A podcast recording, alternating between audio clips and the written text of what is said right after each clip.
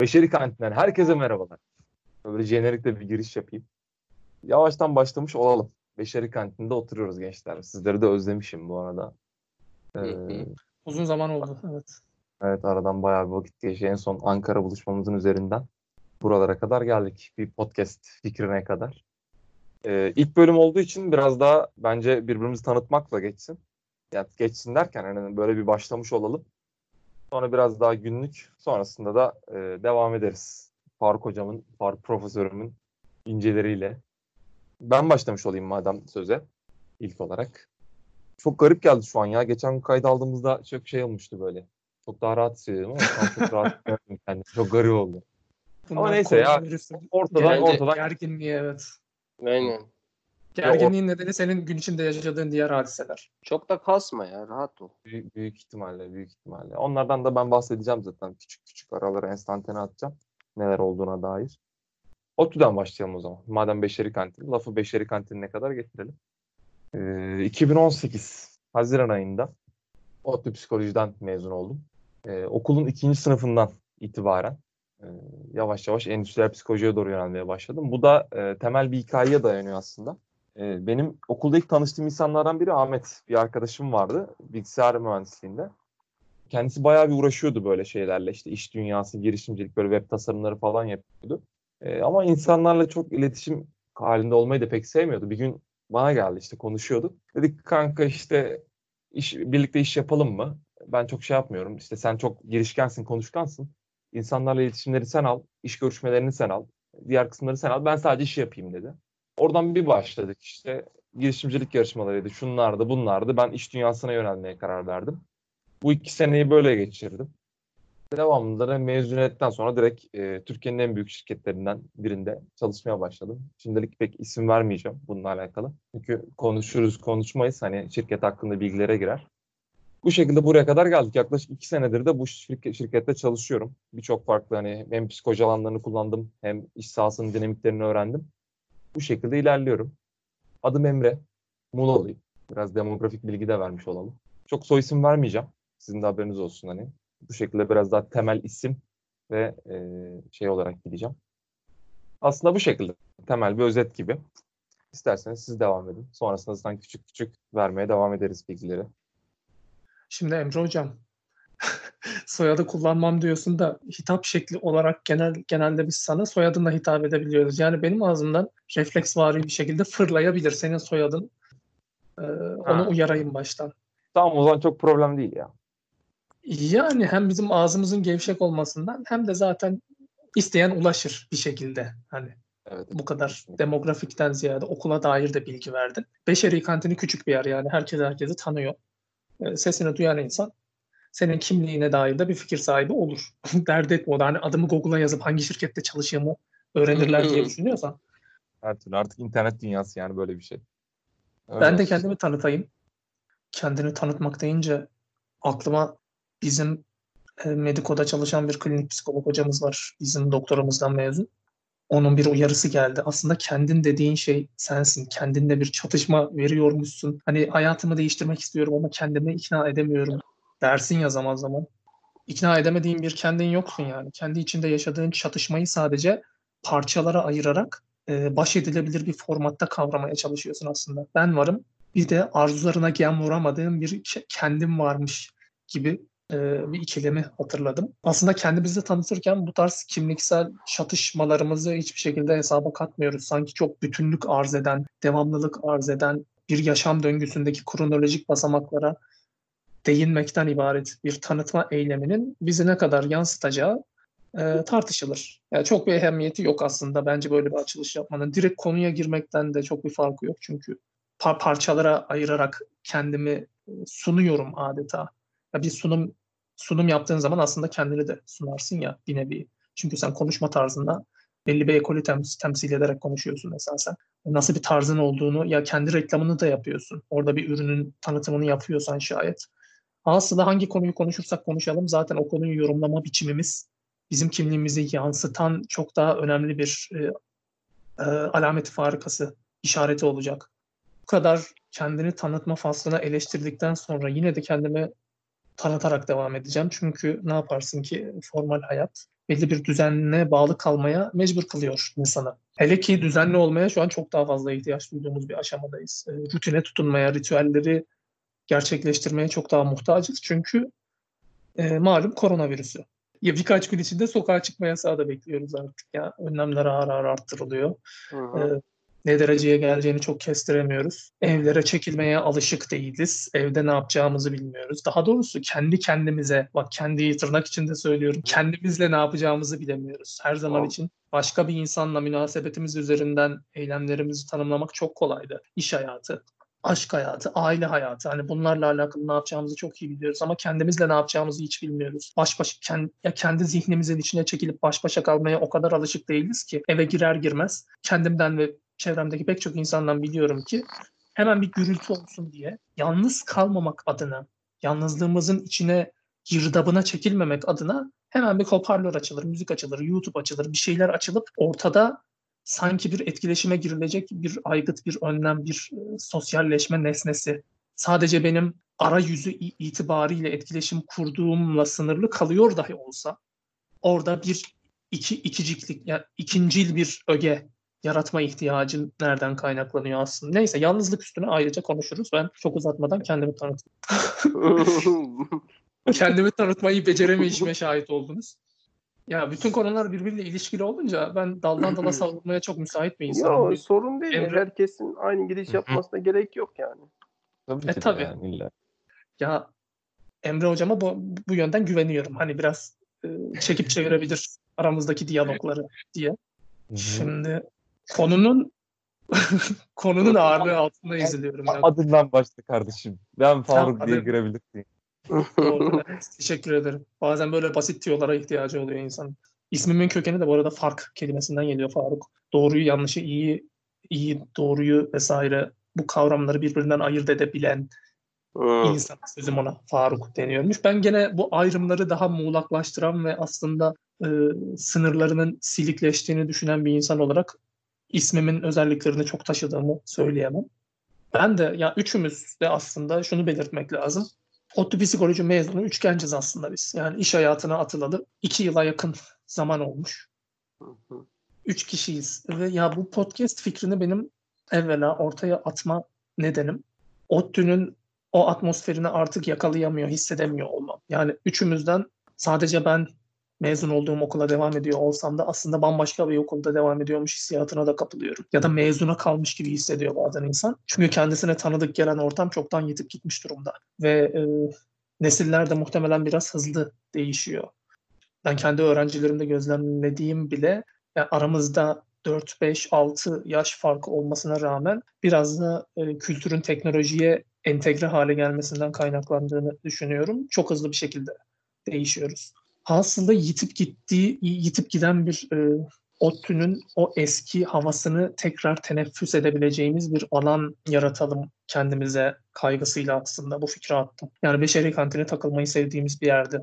Bir de o, o kantinin tabiatı gereği orada yapılan sohbetler e, biraz memleket kurtarmanın da ötesinde dünyayı kurtarmaya yeltenen açıklamaları içinde barındıran konuşmalardı. Artık dünyanın dışına çıkıp kara deliklerden evrene Evet artık tabii sınırlarımız hudut tanımıyoruz yani. Artık memleketi geçtim, dünyayı geçtim. Bence sözü geçmişken hani beşeri kantin nedir, ne değildir biraz ondan da bahsetmek lazım. Çünkü e, evet ODTÜ içerisindeki insanlar bunu bilirler. Bence bir, bir, tık- bir küçük şeye ihtiyaç duyuyor burada. Yani beşeri kantin dediğimiz şey aslında psikoloji, felsefe, tarih gibi bölümlerin e, yani beşeri bilimler bölümünün bulunduğu binanın kantini. Ve bu burada tabii bir, daha çoğunlukta işte felsefe öğrencileri, tarih öğrencileri, psikoloji öğrencileri, sosyoloji öğrencileri ve diğer bilimum e, bölümlerden arkadaşlar bulunuyor. Gerçi diğer bölümlerden, mühendislerden özellikle çok insanlar gelirdi oraya da. Onların Evet. maksadı başkaydı biliyorsun. Ama temelde tabii bu bu tarz bu bölümlerden arkadaşların orada bulunması e, çok çok farklı muhabbetlere ve belki de hani normalde günlük hayatta veya işte Ankara'ya çıktığımız zaman göremeyeceğimiz e, muhabbetlere şahit olmamıza neden oluyordu. Birlikte olduğumuzda da aslında aynı şeydi hani üç psikoloji öğrencisiydik ama diğer bölümlerden de arkadaşlarımız bir arada bulunuyordu. Çok güzel muhabbetler dönüyordu. Aslında biz burada tamamen doğaçlama olarak oradaki muhabbetleri devam ettirme amaçlı. Hem biraz kendi içimizde tarihe not düşelim. Kendi içimizde bir tarih fihris, fihris derler ya, fihris gibi bir şey tutalım. Hem de bu muhabbetleri biraz daha hayatta tutalım. Yani hayatta geçirelim gibi bir fikirle ortaya çıktık. İstiyorsan biraz Şaban'a söz verelim. Hiç oradan hı hı deyip duruyor. Ama şey Faruk tam bitirmedi lafını. Tamam, Tamam bitirsin. ben bitireyim o zaman. Doğru. Sadece ismimin ne anlama geldiğini söyledim. Herhalde bu kadar sürede. Ee, Beşeri kantinindeki bölümleri sayarken sosyolojiyi söylememene de ayrıca te- teessüf ettiğimi bildirmek istedim. Acaba niye niye söylemedi acaba? Ya. İkinci seferinde söyledi neyse ki. Yani belki Ya daha bir de- vardır arada atladığımız da aman. Ya kantin zaten belli bölümlerin yer yer tahakkümü altında kalıyor. Yani psiko- psikoloji o kadar da varlık gösteren bir alan değil. Orada en gürültülü tartışmaları yapanlar e, sosyoloji ve felsefeden benim gördüğüm kadarıyla. Biz öyle kendi kabuğumuzda kenara çekilip birbirimizi yerdik falan. On, o- onların masalarının yani nüfusu bile daha yüksek sayıları barındırıyordu. Biz 3-4 kişi otururduk. Onlar 7-8 kişi iki masa bir arada tartışırlardı yer yer. Ya Beşeri Kantini'nin ne menen bir yer olduğuna yer yer geri döneriz diye tahmin ediyorum. Ee, Tabii. devam edeyim. Ben de siz ikiniz gibi keza aynı şekilde zaten 4 yıl birlikte okuduğumuz için psikoloji mezunuyum. Yanı sıra e, açıktan sosyoloji okumuştum e, psikoloji mezuniyetimin evvelinde. O biraz bakış açıma e, kazık çaktı diyebilirim. Yani psikolojik olguları değerlendirirken bile biraz daha toplum veçesinden bakma gibi bir genel eğilimim vardır. E, şu anda da zaten sosyal psikoloji alanında doktoraya devam ediyorum yine ODTÜ'de. Benzer şekilde bir de siyaset çalışmaları yan dalı yapmıştım. E, dolayısıyla bakış açımın biraz elimden geldiğince olayları değerlendirirken kuşatıcı bir nitelik kazanmasına e, gayret ettim yıllarca. Ha, ne kadar başarabildik? E, çok başaramadık ama e, şu anki haliyle e, söyleyeceklerim herhalde. Ya, bu kadarı şimdilik kafi diyebilirim. Şaban Hocam seni dinleyelim. Sonunda sıra bana geldi. Sen daha dur. Tartışmaya başlayınca hiç sıra gelmeyecek. olsun olsun konuşalım da sorun değil. Faruk hocam gibi lafı çok uzatmadan hani belki Emre kadar da kısa olmasa yine aynı 2018'de ben de sizler gibi mezun oldum. Tabii ben hemen Emre gibi işe atılmadım ya da dede gibi akademiyi kovalamadım. Ben biraz orada arada kaldım açıkçası. Şeyi seçtim hemen askeriyeyi seçtim orada. Biraz daha eğilimim benim klinik taraftaydı sürekli. Ne kadar kişiliğim ona uymasa da. Uyuyor aslında da hani Faruk'un değindiği işte bu çatışmalar yaşanıyor içeride. Hani o, taraf da var tabii ki. Ama onun dışında ben hani genel yatkınlığım klinik. Yani çünkü ben çalışınca saha çalışmalarında falan da görmüştüm. Özellikle stajı hastanede yaptığım zaman. Ondan sonra saha çalışmaları olsun. işte Nuray Hoca ile yaptığımız. Bu Mavi At kafede şizofreni hastalarıyla birlikte çalıştık 3-4 ay. Eğilimim bayağı iyiydi. Askeriyede de yine ben çalışırken ne psikolog olarak çalıştım orada. Hani orada da bayağı vaka gördüm. Ondan sonra zaten hani devlet kurumuna başladıktan sonra bayağı artık hani klinik işin içindeyim. Yani öyle hep klinik tarafım vardı. Ben liseden beri psikolojiyi onun için seçmiştim. Sağlık yani insanlara yardımcı olduğum zaman onlar hani bir yardımım dokunduğu zaman çevreme ben mutlu oluyorum açıkçası. Tabii işin maddi tarafını düşünüyorum yani o da var.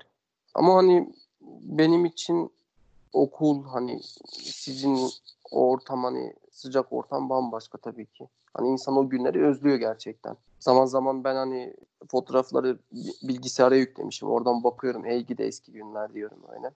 Aradan çok zaman geçmemesine rağmen ama insan çok zaman geçmiş gibi özlüyor. Onun dışında hani kendi klinik alanında devam etmeyi düşünüyorum. Hani nasip olursa inşallah üzerine bir yüksek lisans hatta olursa bütünleşik doktora belki hani klinik alanında.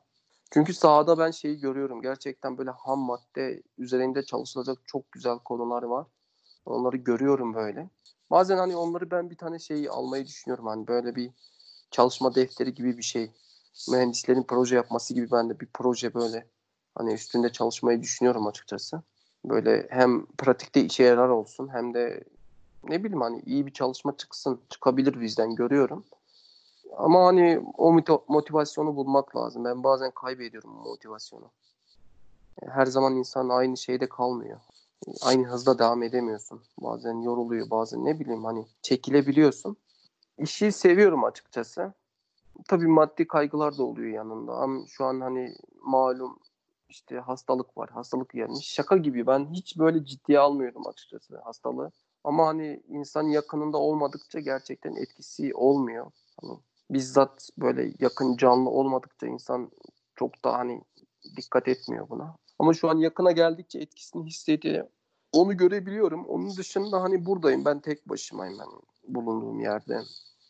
Evet kapandığım zaman Faruk'un dediği gibi bir yere koşturuyorsun. Televizyondur, bilgisayardır, şudur budur biraz daha şey yapamıyorsun hani.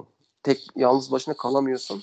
Ee, Ben yalnız başıma kaldığım zaman anksiyetem artıyor çünkü direkt o düşünceleri atamıyorum kafamdan hani. Benim o tarafım var biraz. Ya onun dışında hastanede işler iyi gidiyor. Ee, devamında inşallah nasip olursa işte üstüne koyup devam etmeyi düşünüyorum. Benim de şu an bu şekilde yani adım Şaban adımını da söyleyeyim. Söylediğiniz ama ben yine de söyleyeyim. Bu şekilde yani söyleyecek söyleyecek çok şeyim var. Unutuyorum böyle yani arada. Bir şey söylerken öbür şey aklımdan gidiyor unutuyorum. E tabii o yüzden tedbiren önerdiğim şey şuydu Emre hocama da. Önümüze bir kağıt kalem alırsak aklımıza gelenleri not alırız. Mesela sen konuşurken ben Hı, iki tane aynen. aldım. Bitir, sen bitirdiysen başlayacağım. Ben bir toparlayacağım genel bir. Şöyle genel bir toparlamış olalım o zaman. Aynı bölümden çıkmış 3 kişi fakat psikolojinin 3 farklı alanına yönelmiş 3 kişi gibiyiz şu anda. Birimiz akademide doktora tarafında, birimiz şirketlerde e, biraz daha iş dünyası tarafında, birimiz de hastane sağlık tarafında. Aslında 3 farklı disiplin.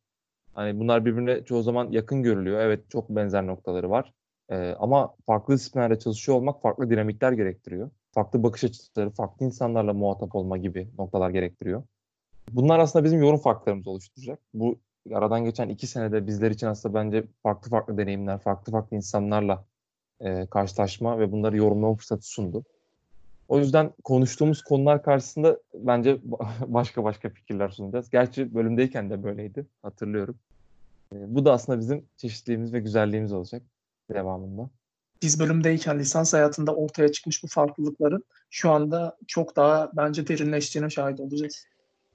Yani gerçekten çok farklı e, yollara girdiğimizi ve bunun bizi dönüştürdüğü kişinin beklediğimizin de ötesinde bizi şaşırtacak kadar e, farklılaştığına e, şahit olacağız gibime geliyor. Bakalım. Yani e, insan denen şeyin ne kadar dinamik olduğunu. Ben şöyle zannederdim yani önceden üniversiteye geçmeden önce de böyleydi benim için. İnsanın genel bir sabitliği olduğunu düşünürdüm. Yani insan psikolojisinin de böyle olduğunu düşünürdüm. Nasıl Şey- sabitlik yani Ya nasıl diyeyim bu şey gibi aslında. Hiç senin bir koy var. Hayatta başladığın bir koy var. Bir deniz koyu var. Sen Hı. daha dış, dış denizin bile farkında değilsin. Sanki bütün dünya oradan ibaretmiş gibi hissediyorsun. Ve nasıl yani bu temperament dediğimiz şey gibi mi diyorsun? Mizaç. şöyle, Mizaç Mizaç- mı yani? şöyle düşün. Hayır, Bu- Türkçe bu- konuşursak iyi olur. Temperament nedir yani? Ya ben Türkçesi aklıma gelmediği için dedim kusura bakmayın. Yani şöyle genel psikolojik durumun yani duygu durumdan bahsediyorum biraz. Duygu durumun daha stabil ve insanın genel olarak burada ilerlediğini düşündüğüm bir şey vardı. Sıfır değil mi diyorsun hani o mu var? Hayır hayır sıf- sıfır noktasından bahsetmiyorum. Yani şöyle daha stabillik. Yani insan daha stabil bir varlıktır. İşte düşünceleri, fikirleri, kişiliği bunlar çok çok daha sabittir. Olur ve Hani- gider düşünüyordum. Bununla doğdun mu? Hani onu mu diyorsun? Ya Bence gibi diyor. gibi onun gibi düşünüyordum. Ee, ama üniversiteye geldikten sonra özellikle farklı etkileşimlerde bulunmaya başladıktan sonra farklı Hı hı. insanlarla karşılaşmaya başladıktan sonra işler bir anda değişmeye başlıyor. Yani yaşadığın o- olaylar, karşılaştığın durumlar bu hani, travmatik de olabilir yani. Yani Ben çok travmatik bir şeyle karşılaşmadım ama bu tarz bir şeyle karşılaştığın zaman insanın nasıl değişebildiğini, nerelere varabildiğini gördüm. Hem bunu örnekleriyle gördüm hem bazı yaşadığım noktalarda gördüm. Eminim yani şundan 5 sene 10 sene hani ya geçtim 10 seneyi şundan 2 sene sonra bile şu anki durumdan çok çok daha farklı olacakmış gibi geliyor. Ama bunu kabullendim. Ee, bunu ne- nasıl kabullendiğimi şöyle anlatayım çok uzatmadan. Şunu fark ettim yani üniversiteye geçtikten sonra özellikle yani evren ve kozmosla çok daha fazla ilgilenmeye başladım. Hani yani nedir, ne değildir. Sonuçta bu işin biraz bilimsel kısmını da görmeye başladım. Kendim de okumaya başladım. Özellikle psikolojide temel olarak duygular. Duygular, duygu tespiti ve yalan tespiti. Yani bunun üstüne çok fazla çalışıyordum. Bu bana duygu durumun ne olduğunu öğretti. Ve fark ettim ki yani evrende hiçbir şey, hiçbir an aynı yerinde kalmıyoruz yani. Dünya dönüyor, dünya güneşin etrafında dönüyor, güneş galaksi dönüyor, galaksi başka bir yere dönüyor. aslında biz mekansal olarak da hiçbir şekilde aynı yerde kalmıyoruz. Bunu insana da yansıttım. Dedim ki insanın gelişmesi çok normal.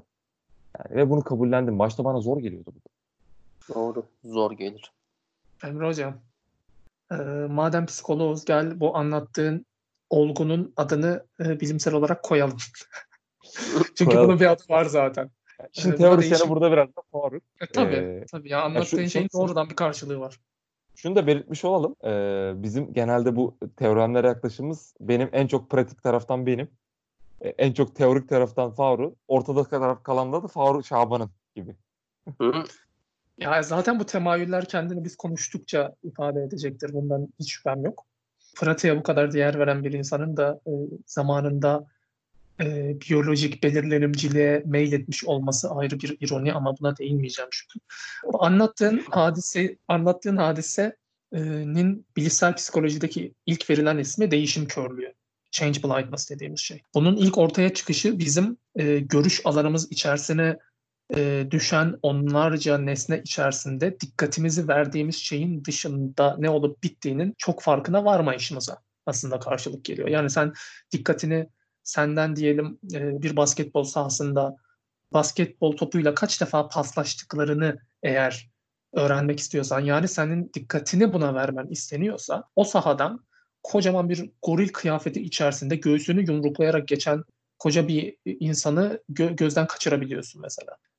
Bu tarz şeyler var. Ee, veyahut da önündeki garson söz gelimi e, sana kahveni vermek için Starbucks gibi bir kahvecide diyelim e, yere eğilip de senin göz teması kuracağın alandan çıktığı anda aynı yerde saklanan başka birisi ayağa kalkıp sana kahveni verdiğinde bu değişimi fark etmeyebiliyorsun. Keza kendi yaşamlarımızda bunun karşılığı nedir? Senin anlattığın şekildedir. İnsan aslında kendi benliğinin istikrarlı bir şekilde bir bütün oluşturduğunu düşünüyor. Geçmişe dönüp baktığı zaman kendi yaşadığı değişimlerin hepsini kronolojik olarak ancak kavrayabiliyor. O değişimlerin aslında büyük ölçüde farkında değiliz. Onunla alakalı da bir sürü çalışma var. Ee, mesela boylamsal çalışmalardan örnek verebilirim. Yani longitudinal dediğimiz yıllarca aynı kişilerin takip edildiği çalışmalardan benzer örnekler var. Şimdi senin diyelim şu, şu andaki inançların, politik ideolojin, bütün e, sosyal, ekonomik, hayata dair görüşlerine e, ölçmeye yarayan bir anket veriyorum söz gelimi sana. Ve en sonunda da şunu tahmin etmeni istiyorum. 20 yıl sonra bu görüşler ne kadar değişecek? İnsanlar çok fazla değişeceklerini düşünmüyorlar. Kendilerine paha biçtikleri o değişim e, skalası çok da geniş olmuyor. E, geçmişe yönelik olarak da yani 20 yıl sonra dönüp baktığımızda aslında çok fazla değişmiş oluyorlar ve ne kadar başarısız olduğunu anlıyoruz insanın öngörmek konusunda. Yani şu an bir şey başarılı bir şekilde işliyorsa insan onun kalıcı olacağını varsayma eğilimine sahip. Onu söyleyebilirim. Bu biraz e, sistemi meşrulaştırma eğilimimizle de alakalı. Yine sosyal psikolojideki başka bir teoriyle alakalı yani. E, stabil ve istikrarlı, aynı zamanda da meşru olduğuna inandığımız bir sistemin parçası olmayı arzularız. Buna dair içkin bir arzumuz olduğunu söyleyebilirim. Şeyden mi geliyor? Change blindness'tan mı geliyor? Change blindness şurada devreye giriyor. Diyelim ki senin şu anki benimsemiş olduğun e, görüşlerini esasen objektif olarak eğer seni takip etseydik belki son 1-2 yılda ortaya çıkmış ve benimsemiş olduğunu görecektik. Ama sana bir soruyorum ki sen 5-6 yıldır aslında böyle böyleymişsin gibi geliyor sana. Yani şu andaki benliğini o kadar gerekçelendirerek temelini sözüm ona kendi zihninde subjektif bir şekilde oluşturuyorsun ki bu senin zaman düzleminde yanılmana yol açıyor. Yani geçirdiğin dönüşümleri algılayamamana yol açıyor. İstikrar keşfetme gayen, kendini bütünlüklü ve tutarlı bir şekilde kavrama ihtiyacın yaşadığın dönüşümleri tespit etmeni engelliyor. Yani em, Emre'nin bunu söyle yani artık değişim körlüğünün farkına varmaya başlamak biraz da kendi o kabuğunu kırmakla mümkün. Yani özellikle küçük bir cenahta, e, küçük bir topluluk içinde benzer kimliklenme biçimlerine sahip insanlarla yetiştiysen üniversite ya bizim en azından bizim kültürümüzde 18 yaşına gelmiş bir çocuk yani o yaşa gelinceye kadar e, kolektif kimliğinden çok fazla kopmadan yaşıyor zaten. Ha, birey olmak nedir? Bireysel sorumluluk almak nedir? Ödev tek başına ödev yetiştirmek zorunda kalmak nedir? Bütçeni e, aileden bağımsız olarak kendi başına yönetebilmek nedir? E, romantik ilişkide yaşanacak sorunlar nasıl çözülür? Çatışma yönetimi, insan ilişkileri, ya bunların hiçbiri aileden ve ailenin parçası olduğu ve tesirini hissettiğimiz genel toplumdan hiç kopuk şeyler olmadığı için üniversiteye gelince çoğu insan en azından bizim kültürümüzde sudan çıkmış balığa döner. Çünkü tek başına o sorumlulukları nasıl alacağını evvela bilmiyordur. Her işini çoğumuz için söylüyorum yani. Ailesi, annesi, babası onun yerine görmüştür zaten. Yemeğini yemiştir. Yata yatağını bile çoğu zaman kendi toplamamıştır. Özellikle de erkekse. Ev işleri falan yapmamıştır. Dolayısıyla neye uğradığını bir şaşırır. Ee, bu şaşkınlığın ağır ağır stabil bir yapıya kazandığını, ya keş, keşfedilmeye başlandığını görüyoruz. O stabil kavrayışın mecburen ufuk, ufkun genişliyor. Ya şöyle bir durum var aslında. Şuradan yola çıkabiliriz. Ee, benim bunun fa- farkına vardığım noktaya ben bir geleyim. Ee, ya benim babam polis memuru. Ee, aslında çok stabil bir çevrede büyümedim ben. Türkiye'nin dört bir yanını dolaştık. Daha çok küçük yaştan çok farklı coğrafyalardan, farklı etnisite dediğimiz şeylerden insanlarla karşılaştım. Arkadaşlarım oldu, iletişimim oldu onlarla. Ve bölge bölge yani. Türkiye'nin farklı bölgelerinden farklı insanlarla iletişim kurdum. Bu aslında bana şeyi kattı. Yani mesela ben Milas'ta büyüseydim, bütün hayatımı orada geçirseydim. Şu an mesela arkadaşlarım var oradan. Onların bakış açısını görebiliyorum. Gerçekten o kabuğun dışında hiç düşünemiyorlar. Ama benim oradan başlamış olmam zaten psikolojiye yönelten şeylerden bir tanesi de bu oldu benim. Ama bahsettiğim noktaların bir tek şeyden bahsedeceğim. İnsanın neden böyle bir buna karşı e, körlük geliştirdiğine dair bence benim tarafımdan. E, tutarlılık abi. Toplumsal tutarlılık. İnsan hem kendi içinde hem de toplum bazında tutarlılığını devamlı devam ettirmeye çalışıyor. Korumaya çalışıyor. Çünkü bizim için tutarsızlık tamamen güvensizlik göstergesi. Bu kendimize Bizim- olan de olabilir. Ben şunu anlamadım. Bu tutarlılık bizim dışarıya kendimizi lanse ettiğimiz, resmettiğimiz, gözüktüğümüz bir tutarlılık mı? Kendi içimizde çözmeye çalıştığımız kendimizle tutarlı olma gayreti mi? Her ikisi de bence. Her ikisi de. İnsan çünkü hayatı yaşarken hem çevresine karşı bir tutarlılık sunmaya çalışıyor hem de kendi içinde bir tutarlılık. Çünkü sen mesela bir olaya bir bakış açın var diyelim ki. Bir tutumun var, bir duygun var. Sonrasında farklı bir şey hissettiğin zaman kendini kötü hissediyorsun. Ben kendi içimde çeliştim diyorsun. Ve bunu dışarıya da yansıtırsan bir toplumsal şey de yiyorsun yani. Bir dışlanma da yiyebilirsin bu konuda. Doğru. Yani ben senin kendi benliğini kavrayış biçimine aykırı geliyorsa yeni hissettiğin bir şey. Söz gelimi hetero, heteroseksüel olmayan insanlarla hiç karşılaşmadıysan ancak kendilerini birebir tanıdığın zaman kendilerine karşı kötü duygular hissetmiyor olmak sana kendini kötü hissettirebiliyor mesela. Çok garip bu konudaki e, bulgular var. Ve senin şey bu bilişsel çelişkiyi çözmenin yolu ya dışarıya aksettirmeden de yapabileceğin bir şekilde aslında. Çünkü ya sen temel şemalarından birini değiştirme cüretini göstereceksin. Yani heteroseksüel olmayan insanların da en az senin kadar olağan ve normal insanlar olduklarını ve kendilerine dair yanılmış olduğunu kabul edeceksin ki bunun sana kendini kötü hissettirmesi zaten en önemli direniş ve ön yargı mekanizmalarından biridir. Ön yargının kırılmasını zorlaştıran faktörlerden biridir. Çünkü benliğinde bir karşılığı vardır o ön yargının. Yani adeta benlik algına yatırım yapmışsındır. Ee, bunu kırmanın çok zor olmasına şaşmamalı.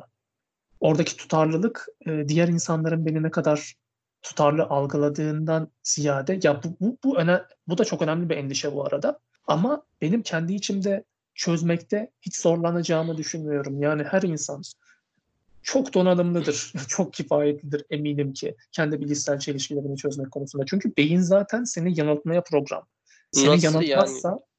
Yani seni yanıltmazsa çünkü sağlıklı bir şekilde işleyişini sürdüremez. Yani yaşamı yaşamı anlama büründürmek zorundasın. Bütün yaşamı bir kavrayışa büründürmek zorundasın. Bu da bütün insan gruplarını e, senin şey mi diyorsun Faruk hocam? Şey mi diyorsun Faruk hocam? Hani Hı. kendi çelişkilerimizi kolayca çözebilir miyiz diyorsun içimizde?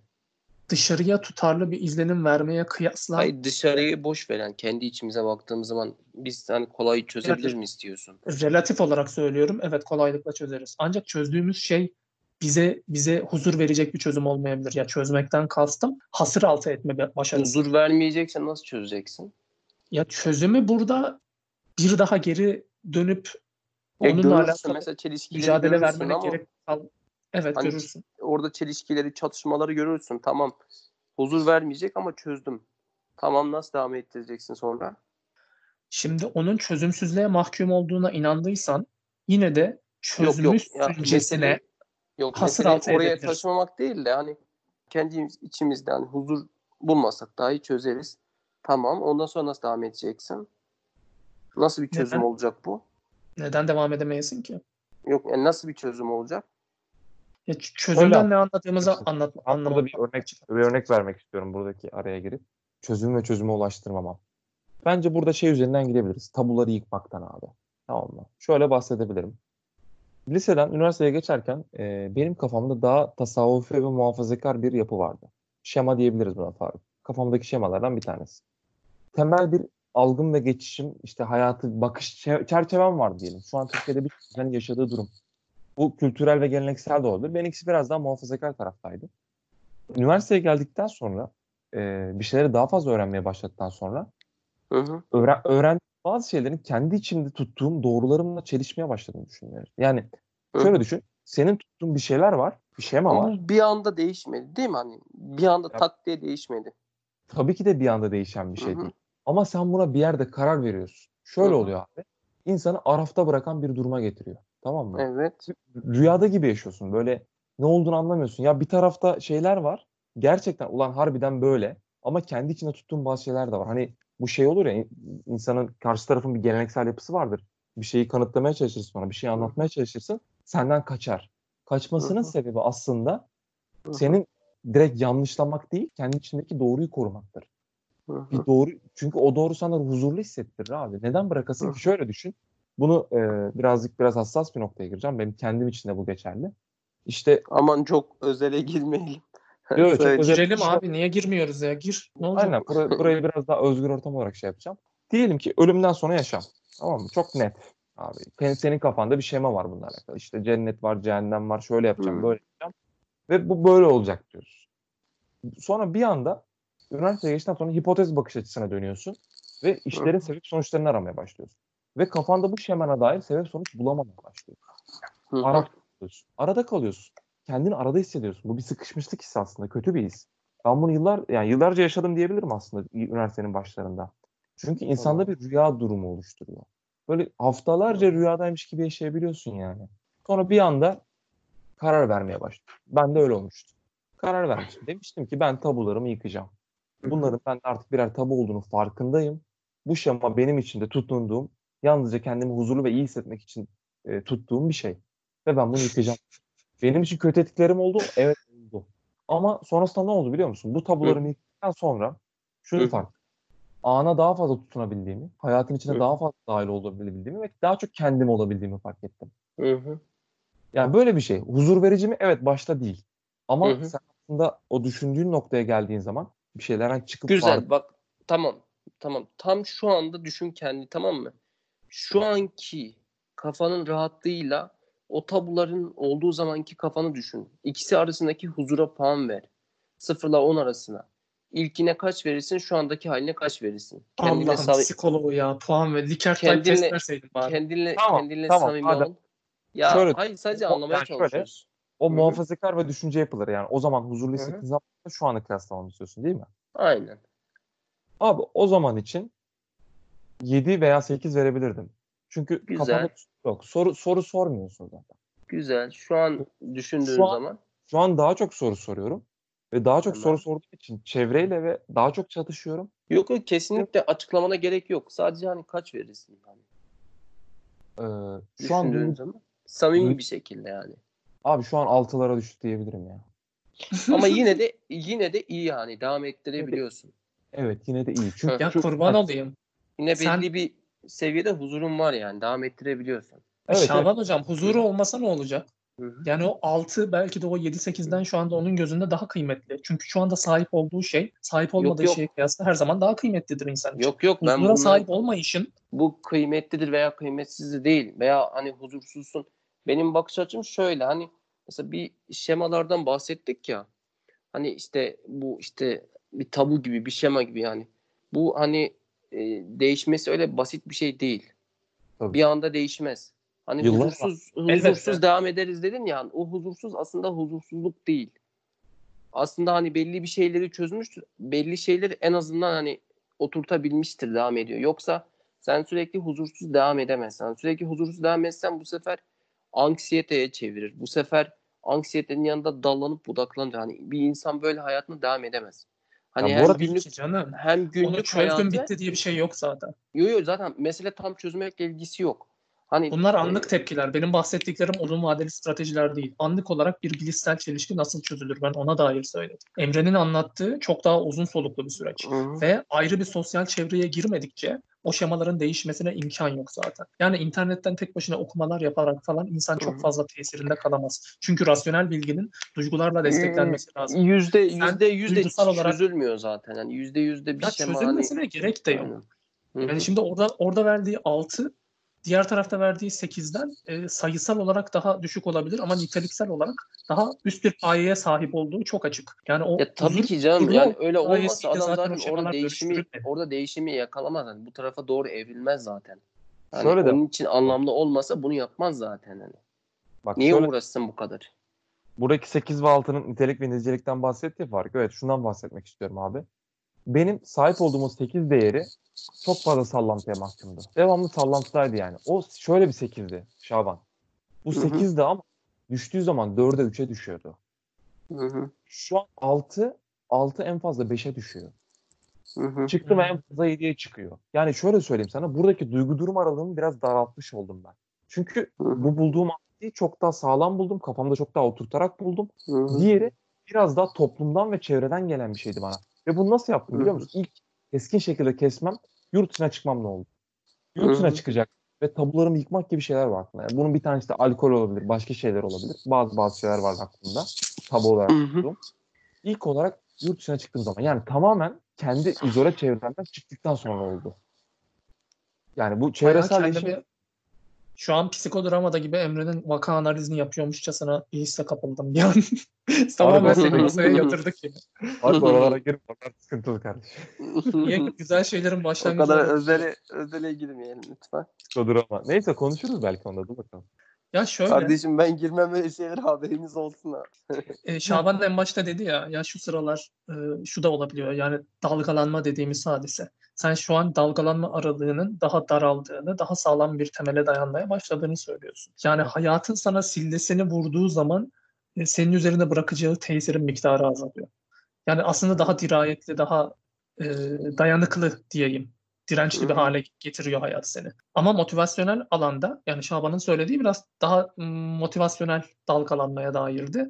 Bence o e, zamanla zaten e, daha sabit kura bağlanan bir dövizmişçesine stabil bir ekonomiye kavuştukça bu dalgalanmaların ben az azaldığını düşünüyorum. Yani içinde bulunduğumuz sosyal çevre bunun ana sadece katalizörü, hızlandırıcısı, kolaylaştırıcısı olabilir. Ama Hı. temel zemin, temel zemini sağlayan şey e, iş hayatına atılmak ve ba- bambaşka hayatın, bambaşka olanakların kapısının aç- açılması sayesinde aslında gerçekleşiyor. Ee, diğer bir konu bu şemaların çözümündeki çözüm kelimesini vurgulamaksızın nasıl ifade edebilirim diyeceğim ama o kadar çok söyledik ki ister istemez artık kulak yok. tırmalıyor. Ee, burada bir çözüm acilciliği de var. Yani senin bir iç huzursuzluğunu hali hazırda yaşıyorsun da onu çözmen gerekiyor gibi bir durum yok aslında. Çünkü sen Hı hı. huzursuzluğun zaten farkına varmamak için 40 takla atıyorsun. Ya Orada huzursuzluğun olmamasının zaten imkanı yok. Yani çatışma da olacak o illaki. Bence olmasının imkanı yok. Ya da olacaksa da bu bilinç düzeyinde olmaz. Ee, çünkü şey bu tarz inanç birbiriyle zıtlaşan bilgileri ya da inançları birbiriyle uyumluymuşçasına bizde huzursuzluk hissini gidermek adına birbirine entegre e- edebildiğimize dair e, 100 tane çalışma e, zikredebilirim literatürde. Yani İnanç deyince bu sadece hani şey gibi de algılanmasın. Emre o dini inançtan biraz bahsetti. Bu sadece hani dini inanç değil. Yani inancı ben bizim belief anlamında yani tabii ki tabii ki. Yo yo ben seni anladım anladım hani. Ondan bunu bir ben onu da dedim ekleyeyim. Sosyal, Ya ekonomik, siyasi hayata dair tüm tutumlarının bütününden bahsediyorum. Hayata karşı. İnanç derken. Aynen hayata öyle. karşı aynen. Ya bu Kendine aile- hayata karşı. Ya şimdi şöyle bu aile olabilir başka bir şey dediğin gibi herhangi bir olay ve tutmak yani bu ilişki de olabilir yani Ee, ama şöyle bu sonrasında yani şöyle söyleyeyim sana bu biraz daha muhafazakar yapıdan benim geçtiğim yapı şey oldu. Neden her şeyi anlamak etmeye çalışıyorum? Neden her şeyde bir sebep sonuç ilişkisi olmak zorunda mı? Yani özellikle kozmozu araştırmaya başladıktan sonra bu kafamda daha çok oturmaya başladı. Çünkü bizim çok sabitliğine inandığımız fizik kuralları bile. Düşün yani hani bu kara deliklerin içinde geçerli olmayabiliyor. O zaman derim ki insanın düşüncesi ve bu anlamlandırma çabası da sabit değil ki. Bu sadece bir yanılgıdan ibaret olabilir dedim yani. Neden? Mesela bununla alakalı iş yerinde de biriyle konuşmuştuk. Her şey bir anlam atfetme çabası. Her şey bir anlam atfetme çabası. Dedim neden? Abi olmayabilir. Abi bir anlam olmayabilir yani. Her şeyde anlam, anlam aramanın ne manası var? Hı hı. Bazen, bazen hayat akıştır sadece. Bir nehir gibi. Nehrin her zaman akmasının bir nedeni var mıdır? Yani ya şöyle burada tabii ki illaki e, biyolojik, biyolojik coğrafi yönlerden bir nedeni vardır. E, ama buradaki akıştan bahsediyorum. Hayatın akışından bahsediyorum. Çünkü insan komplike bir varlık yani. Her şekilde anlamlandırmaya çalışmak insanı biraz makineleştirmek gibi geldi bana. Hani bir kod vardır. Bunu yazınca bu çıkacaktır gibi bir sonuca varmaya çalıştım. Ya öyle öyleymiş gibi hissettim kendimi. Hani Bunu bıraktım. eminlik yani e, emin olalım hani güvenli Evet, evet. olalım böyle tutarlı düzeyde gidelim hani Evet, emin olma Yani- çabasından bıraktım öyle Ha. söyleyeyim sana. Her şeyde ya emin değilim abi. Hayatta yüzde vermeye başladım kendime. Bir işten ben ne kadar Ya yüzde hocam yani. katiyet, katiyetle bir şey bilme arzusunu karşılaştığım bilgi çeşitliliği bir nebze yatıştırmış olabilir. Yani katiyet arzusundan kaçınabilecek hale, onu da zihninde bir manaya kavuşturabilecek kabiliyete eriştiğini anlıyorum ben. Anlamla arana mesafe koymayı başardığını düşünmüyorum. Çünkü nedensellik dediğin e, atıftır aslında. Yani neden nedenler ve sonuçlardan bahsediyorsak aslında sen yaşanan bir hadiseyi zihninde hali hazırda bildiğin bir yapıya, bildiğin bir aktöre atfedebiliyor olma kabiliyetindir. Şimdi sen dedin ya, üniversiteye gelince kafam hipotez test edermiş gibi çalışmaya başladı dedin. Yani bir şeyi e, deney gözlem yöntemleriyle doğrulamadıkça ona katiyetle bağlı kalmanın sakıncalı olduğu kanaatini geliştirdiğini anlıyorum buradan. Yani sen dogmalarını yıkıyorsun ama bu ye- yerine yeni dogmalar koyuncaya kadar sürecek. Ha ne oluyor? Belki daha esnek dogmalar koyuyorsun ama dogma olmadan insanın yaşayabileceğini düşünmüyorum. Dogma derken bu sakıncalı bir inanç olmak zorunda değil.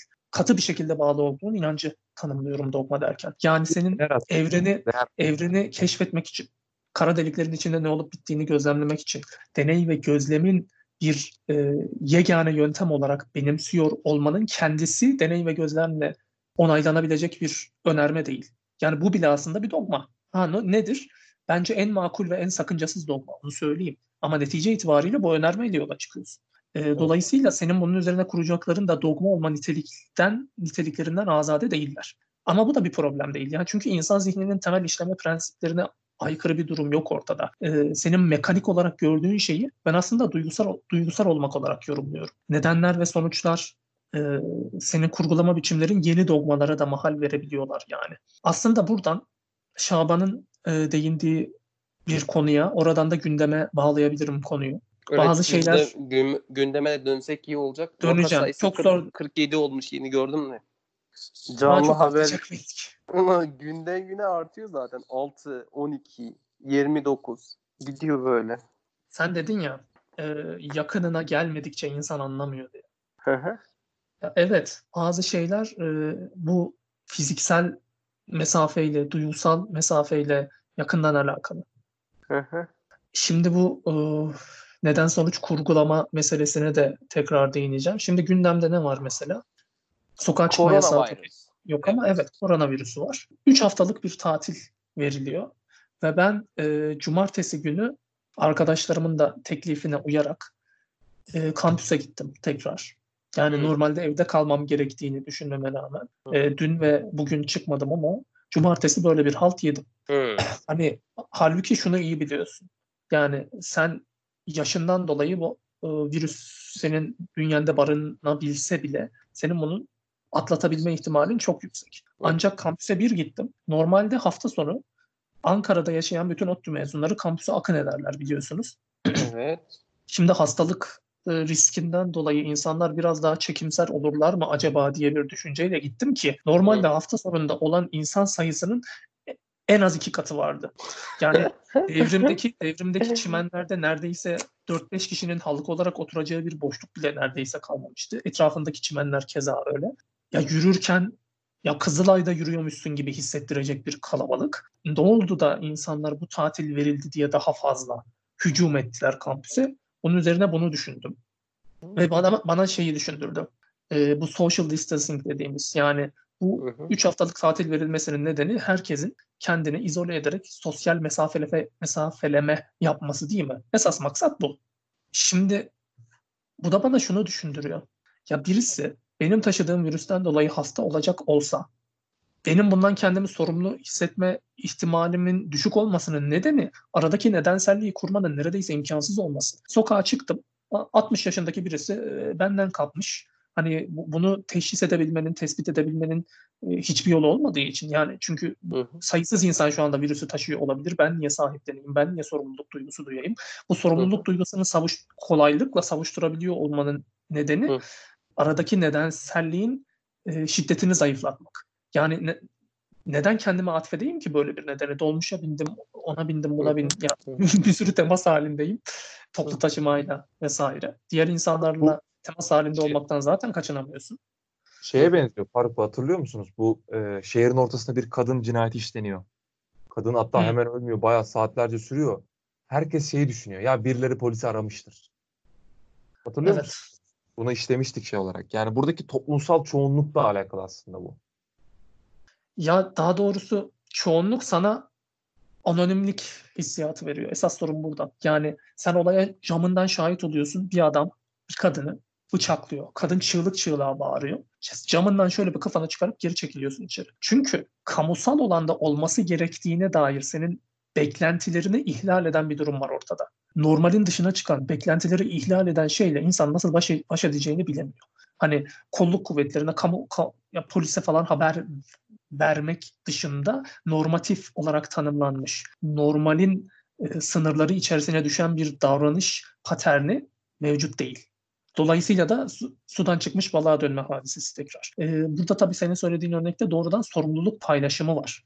Yani hiç sorumlu değilsin diyemeyiz. Ancak sorumluluğu atfedebileceğin, o olaya şahit olduğunu gördüğün bam sayısız insan olduğu için kendi üstüne alınmamak ya alın o ihtiyacı hissetmem mümkün değil. Bu yüzden e, Özlem Hoca derste söylemişti. E, diyelim kamusal alanda bir kalabalığın içinde çok zor bir duruma düştün. Allah muhafaza birisi seni bıçakladı.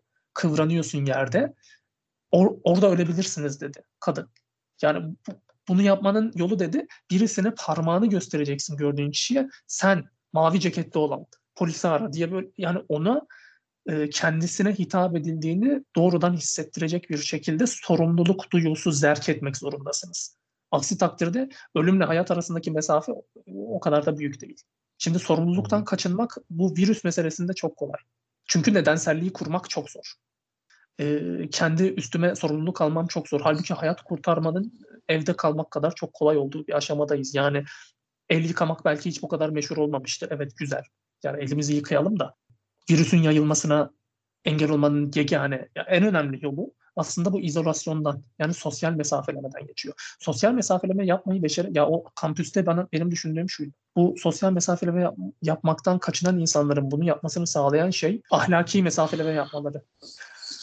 Ee, bunu da Trauma'nın e, referansını da vereyim. E, Moral Blindness, ahlaki körlük e, kitabındaki bir kavramdan araklayarak söylüyorum. Ahlaki mesafeli mesafelemeyi ne kadar yapabiliyorsanız yani sorumluluk almaktan ne kadar kaçınabiliyorsanız Hı hı. e, o derecede e, sokağa çıkmaktan da çekinmez hale geliyorsun. Yani ahlaken benim sana karşı bir sorumluluk duygusu duya- duyabilmem için fiziksel ya da psikolojik yakınlığı, zamansal yakınlığı, ilişkisel yakınlığı hissetmem lazım. Yakınlığı hissedemiyorum. Şeyi bilirsiniz bak, trolley problem vardır. Felsefede çok meşhur. Yani bir tren yoluna bağlanmış 5 tane adam var diyelim. Sen o mekanik kolu çekmezsen 5 kişi ölecek ama kolu çekersen bir kişi ölecek. Bir kişinin ölümünden sorumlu olursan 5 kişiyi kurtaracaksın. Ama hiç dokunmazsan 5 kişi birden ölecek. Şimdi burada iki ayrı genel cevap verme eğilimi vardır. Bir tanesi deontolojik dediğimiz katı kurallara bağlı olarak der ki hayır insan öldürmek yanlış bir şey o halde ben bu kolu çekmem. Yani çünkü bir kişinin ölümünden sen sorumlu olacaksın ve aradaki nedenselliği yatsıman imkansız. Sen kolu çektiğin için o bir kişi oldu, öldü. Sen kolu çekmeseydin o bir kişi ölmeyecekti. Yani senin kolu çekmenle o bir kişinin ölümü hakkındaki nedenselliğin ilişkisini zayıflatma ihtimalin yok. Yani sorumluluğu savuşturamazsın. Öyle bir şey. Kolu çekmezsen evet 5 kişi ölüyor belki ama sen sadece şahitsin zaten. Yani 5 kişi hasta vermiş, virüs kapı vermişler. Benim ne sorumluluğum var? Müdahale edebilirdin. E, sokağa çıkmayabilirdin, çıktın ama doğrudan aslında senin de bir suçun yok. Sadece şahitsin. Deneyin ikinci kısmı. Çarpıcı olan kısım bu. Köprünün üstünde şişman bir adam var diyelim ve sen o şişman adamı tutup köprünün üstünden fırlatırsan demir yoluna e, tren onu ezecek ve durmasına yol açacak onu ezmek. Dolayısıyla da 5 kişiyi kurtarmış olacaksın. Şimdi bunun ilkinden tek farkı mekanik bir kolu çekmek yerine bir insana bil fiil dokunmayı gerektirmesi. Bunun uyandırdığı duygular e, çok ağır bir e, suçluluğa yol açma potansiyeline sahip. Dolayısıyla ilkinde kolu çekerim diyen insanlar ikincisinde o insanı karga tulumba tutup da tren üstüne atmıyorlar. Halbuki sonuçları aynı eylemdir. Gene aynı bir tek kişinin, aynı kişinin ölmesine yol açıyorsun. Ancak dokunman gerektiği zaman aradaki nedenselliğin kuvveti daha da katmerleniyor. Yani düşünsene sen de uyandıracağı duyguyu bir mekanik kolu çekmekle bir insanı doğrudan onun üstüne atmak arasındaki farkı. Yani bu bizim e, nedenselliği yatsıma kabiliyetimizle alakalı. Virüste, virüsün yayılmasında e, sorumluluğu savuşturmak çok kolay olduğu için ben sokağa çıkmaktan kaçınılmadığını düşünüyorum. Ya söylediğim örnekteki gibi bir durum söz konusu olsaydı kimse kendine atfedebileceği sorumluluktan kaçınamaz. Hı, güzel, Daha- güzel. Yo, bence iyi iyi noktaya değindin. Hani nasıl böyle bunu uyarlayabilirsin şu anki duruma? Şu anki virüs durumuna yani o şişman adama dokundurmayı e, mekanik kolla hani o durumu Şöyle- nasıl şu anki duruma adapte Ya edebilirsin? şöyle abi aslında ben Faruk'un dediğinden şunu anladım. Beni duyuyor musun şu anda? Duyuyoruz. Evet. Ha, tamam. Ee, yani şöyle sen o sokağa çıktığında birine bulaştırdığını fark etsen ve o adamın hastaneye düşüp öldüğünü görsen veya hastalandığını görsen bu senin için çok direktif bir şey olur. Ama şu an Ama böyle bir şey mümkün değil işte. Evet, Evet. yani nasıl bunu nasıl hani nasıl yapabiliriz? Şimdi öyle bir soru soruyorsun ki e, ben tabii ya hoca kısmı, akademisyen kısmı e, böyle önlerine mikrofon verildiğinde susmayı pek beceremezler. E, ya benim gayem burada bir analiz ve açıklama yapmaktan geliyor. E, Tamam. ben çözmek benim işim değil yani. Ben durumu anlamakla mükellef görüyorum kendimi. Bundan daha mukaddes de Tamam. bir gaye tasavvur edemiyorum. Dolayısıyla Tamam. senin söylediğin aşamada bir kere soru çok zor. Yani bu kadar şeyi konuştuk konuştuk. Ya ettik. mesele direkt nereye bağlanacak çözümü, yani? çözümü üretmek olmayabilir ama hani fikir üretmek. Düşünelim. Anlayan insan bence fikir de üretebilmeli yani. Fikir üretmekle çözüm üretmek aynı şey değil. Tamam işte Yani. çözüme giden yolda fikirden gidecek. Ee, yani şimdi muhtemelen hiçbirimiz e, karar alma mekanizmalarına dahil olabilecek bir pozisyon işgal etmiyoruz. Yok yani siyasi canım. rollerimiz yok. Dolayısıyla üreteceğimiz çözümler e, kendi zihnimizde kurguladığımız yani müdahale programı geliştirmekle mükellef hissetmiyorum ben kendimi. Ancak belki Bu yerinde Ben, ben olabilirim belki bu konumda. Yani iş yerinde çünkü birçok kararı hep birlikte veriyoruz insan kaynakları tarafında. Yani insanları işe getirmek, getirmemek bizim elimizde. İşte abi bu fiziksel temas ya da duygusal temas bir şekilde sana olayı yakın hissetmen. Bu fiziksel yakınlık olmak zorunda değil yani. Psikolojik mesafenin azalması gerekiyor sorumluluk hissedebilmek için. Ya bu durumun Evet. ben daha farklı örneklerini ilerleyen e, bölümlerde de bahsedeceğim. Hani işe alımda işte insanların çektiği sıkıntılar, işsizlik. Buna daha önce hiç dokunmadığımı ben görüşmelerde fark ettim. İnsanların neler çektiklerini dinlerken, birebir yan yanayken çok daha farklı bir konuma geliyor. Karar verirken çok zorlanıyoruz. Gibi gibi. Neyse bunu sonra bahsedeceğim. Sen de Abi doğru. Biz dışarıda olan bitenden çok fazla etkilenecek koşullara sahip değiliz. Yani insanların %60'ı 70'i çok büyük bir maddi zorluk içerisindeler. Biz yani ayrıcalıklı bir kognitif elit tabakasını temsil ediyoruz aslında. Her ne kadar orta sınıfa ekonomik, sosyoekonomik statü olarak orta sınıfa tekabül ettiğimizi düşünüyor olsak da Türkiye ortalamasında biz biraz orta üst tarafına kayıyoruz aslında. Ve şey, bunu artık kabul kabul etmemiz, takdir etmemiz lazım. İnsanların çoğunun hayatına temas eden bu derin ekonomik problem, başta ekonomik olmak üzere zihinsel sağlık problemleri de zaten ekonomik problemlerle at başı gidiyor. Yani alt statüdeki insanlar daha fazla problem yaşıyorlar vesaire. Dolayısıyla bu bir e, yatıştırıcı, buffer dediğimiz bir etkiye sahip. Ya koruyucu, seni koruyan bir etkiye sahip oluyor. Senin sosyoekonomik statünün yüksek, iyi bir eğitim almış olmana da bunu bağlayabiliriz. Yani hayattan büyük ölçüde zaten izole yaşıyoruz. Eve kapanmışız, kapanmamışız çok fark etmiyor. Zaten hepimiz kendi kabuğumuzda yaşıyorduk. Zaten bizden olmayanı anlamıyorduk. Şu anda bu sorumluluğu hissetmenin en kolay yolu maalesef diyorum bir müdahale programı geliştiremediğim için söylüyorum. Herkesin ailesi neredeyse herkesin diyeyim ailesinde belli bir yaşın üstünde kesimden insanların barınıyor olması. Yani şey dalga geçiyorlar ya köyünden üniversiteye gelen 20 yaşındaki genç çocuk anneannesini babaannesini öldürmek üzere köyüne geri dönüyor diye e, dalga geçen reklamlar e, tweetler daha doğrusu attılar. Çünkü şey gerçekten bu tatil verildiği anda cuma günü insanlar otogara adeta akın ettiler. Aynen değil Yani mi ya? işin- Akın etler bayağı.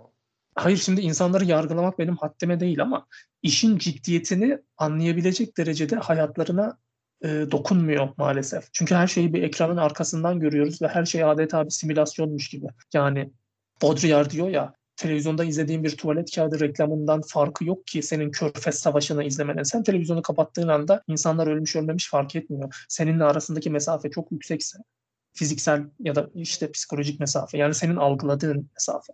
e, senin evine yakın olması illa şart değil ama yakın hissedebilirsin mesela orada sevdiğin bir insan varsa.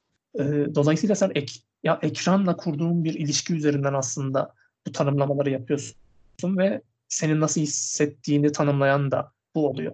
Ve galeyana gelmenin de gelmemenin de çok kolay olduğu bir kullanım ortamına sahip sosyal medya. Yani bir kere böyle bir şey çok ya biz kendi ömrümüzde ilk defa yaşıyoruz her şeyden evvel.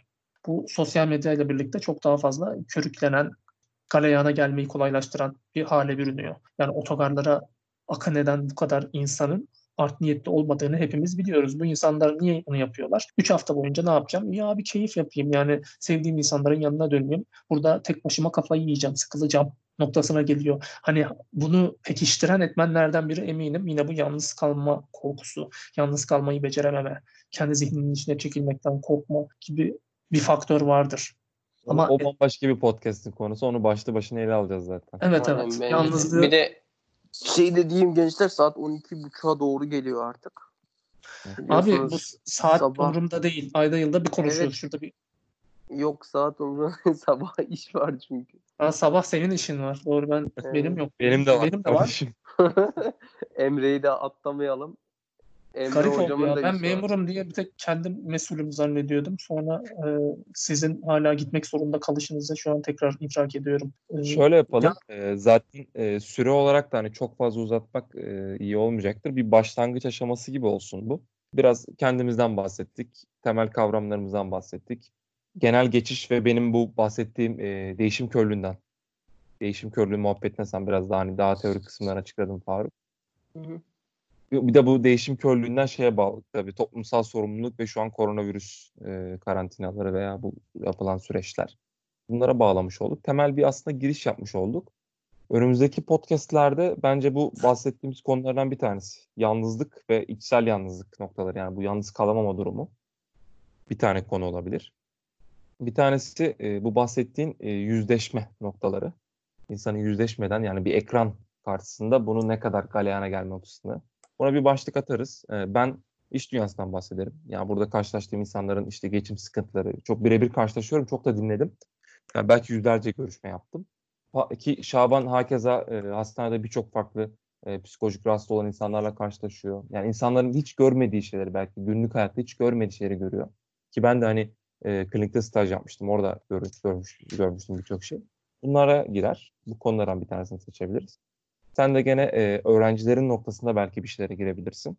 Öğrenci ve öğrenci psikolojisi noktasında. Bu şekilde Ya bence bağlayabiliriz. bilgilerimiz e, iş hayatımızla sınırlı olmadığı için bunun çok ötesine yine ben uzanacağımızdan fevkalade eminim. Tabii tabii Aynen, kesinlikle. Konuştuğumuz kalmayacak, zaman başla- açılacak zaten ya. Ya başlangıç noktası tabii buraya şey yapacak. Ee, ben bu podcast'te şey yapacağım. Yine bir kaydedeceğim. Gönderirim. Ee, bir baştan sonra dinleriz gene. Ben dinliyorum kaydettiğimiz podcast'lerin hepsini. Gitmek istediğiniz bir yer olursa gene belki şey yaparız. Daha akış akışı bozmamak için. Hani akışı bozdu. Ya iç- içerisinden değil de başlangıç kısımlarına biraz daha hani girdik girmedik gibi şeyler oldu. Hani ilk elin günah olmazmış derler. Güzel oldu Öyle bence. öyle. Ben keyif Başla, aldım. bir başlangıç yaptık. Yok Evet. bence de iyiydi yani. Ben de Güzeldi. Ya bir de ko- konular çok derin, derinlemesine açıklanmayı talep eden konulara giriyoruz. Öyle olunca e, ben genelde kendimi zapt edemiyorum ya. Çünkü konunun adres edilmesi gereken, ifade edilmesi gereken o kadar çok veçesi var ki e, birine değinince diğerini unutacağım gibi bir endişe oluyor. Çünkü hakkını hakkını veremiyoruz konunun yani. Ya çok kısıtlı bir perspektiften bakıyoruz e, ya da tek bir şeye odaklanarak diğer yönlerini ihmal ediyoruz ki bu ikisi genelde bir arada oluyor. Hasılı ya şu an konuştuğumuz konu ya yaklaştığımız belli bir perspektif var ya hani daha çok psikoloji yönüyle ele almaya çalışıyoruz. Hı hı. Ben daha çok e, bunu yaptığımı kabul ediyorum. Ama ötesine de uzanmaktan çekinmeyelim. Yani konu gidiyorsa kendimizi alıkoymanın çok bir anlamı yok. Sonuçta burası beşeri kantini. Geldiği gibi her şey konuşulur. Evet kesinlikle. Bu arada şey yapacağım. Beşeri Kantin adı altında işte Twitter hesapları, Instagram hesapları, e, sosyal medya hesapları yani bunları açmayı planlıyorum. Siz ne diyorsunuz? Olur olur da daha erken bence. Ben hem erken hem de onu biraz daha konuşalım bence ya. Tabii tabii yani şöyle biraz daha onun üzerine dururuz. Hani ben en azından 4-5 tane kaydımız olsun diye düşünüyorum. Ondan sonrasında e, şey yapabiliriz. E, ben şimdi ben şimdi burada şeyi kapatacağım. Sonrası şeyi kapatmayın ama çıkmayın. Kaydı durduracağım. Tamam, e, kaydı biraz- durdurabilirsin. Tamam. e, teşekkür ediyoruz herkese. Şimdi biraz daha hitaben konuşmak gerekiyor galiba burada. E, Hayır, beşeri komik olan şu. Bu podcast'in öncesinde ve sonrasında neler yapacağımızın planını da podcast'i dinleyenlere anlatmak gibi bir absürtlük var ortada. Yani resmi olarak senin bu yayını kapatıp ondan sonra bizi tekrar araman falan lazım aslında. Gerçi Şey benim bu yapalım. açıklamayı yapmam absürtlüğü daha da arttırdı şu an ama yapacak bir şey yok. Şöyle Neyse yaparım. tamam Ben, kaydı e, durdurabilirsin. şey bence. yaparım ya. Ses ses kısmını çıkartırım bunları yani son kısımları çıkartırım. Çıkarma Bir açıklama- abi bence güzel ya doğal oldu. Kantin burası. Doğal olsun konuşma. Doğal olsun ya. Tamam şimdi böyle kalsın. Biraz daha hani hem dinleriz. Dinlerken nasıl bir şeye atfediyor ona bakarız. Ee, o noktada kendimiz karar veririz buna. Ee, teşekkür Tamam ederiz. hocam. Yani kapatıyormuş gibi yapıyorum ama siz kapatmayın. Tamam mı? Görüşmek üzere hocam. Diğer bölümlerde görüşmek üzere. Şaban hocam teşekkür ederim. Ben teşekkür ederim. Görüşmek üzere.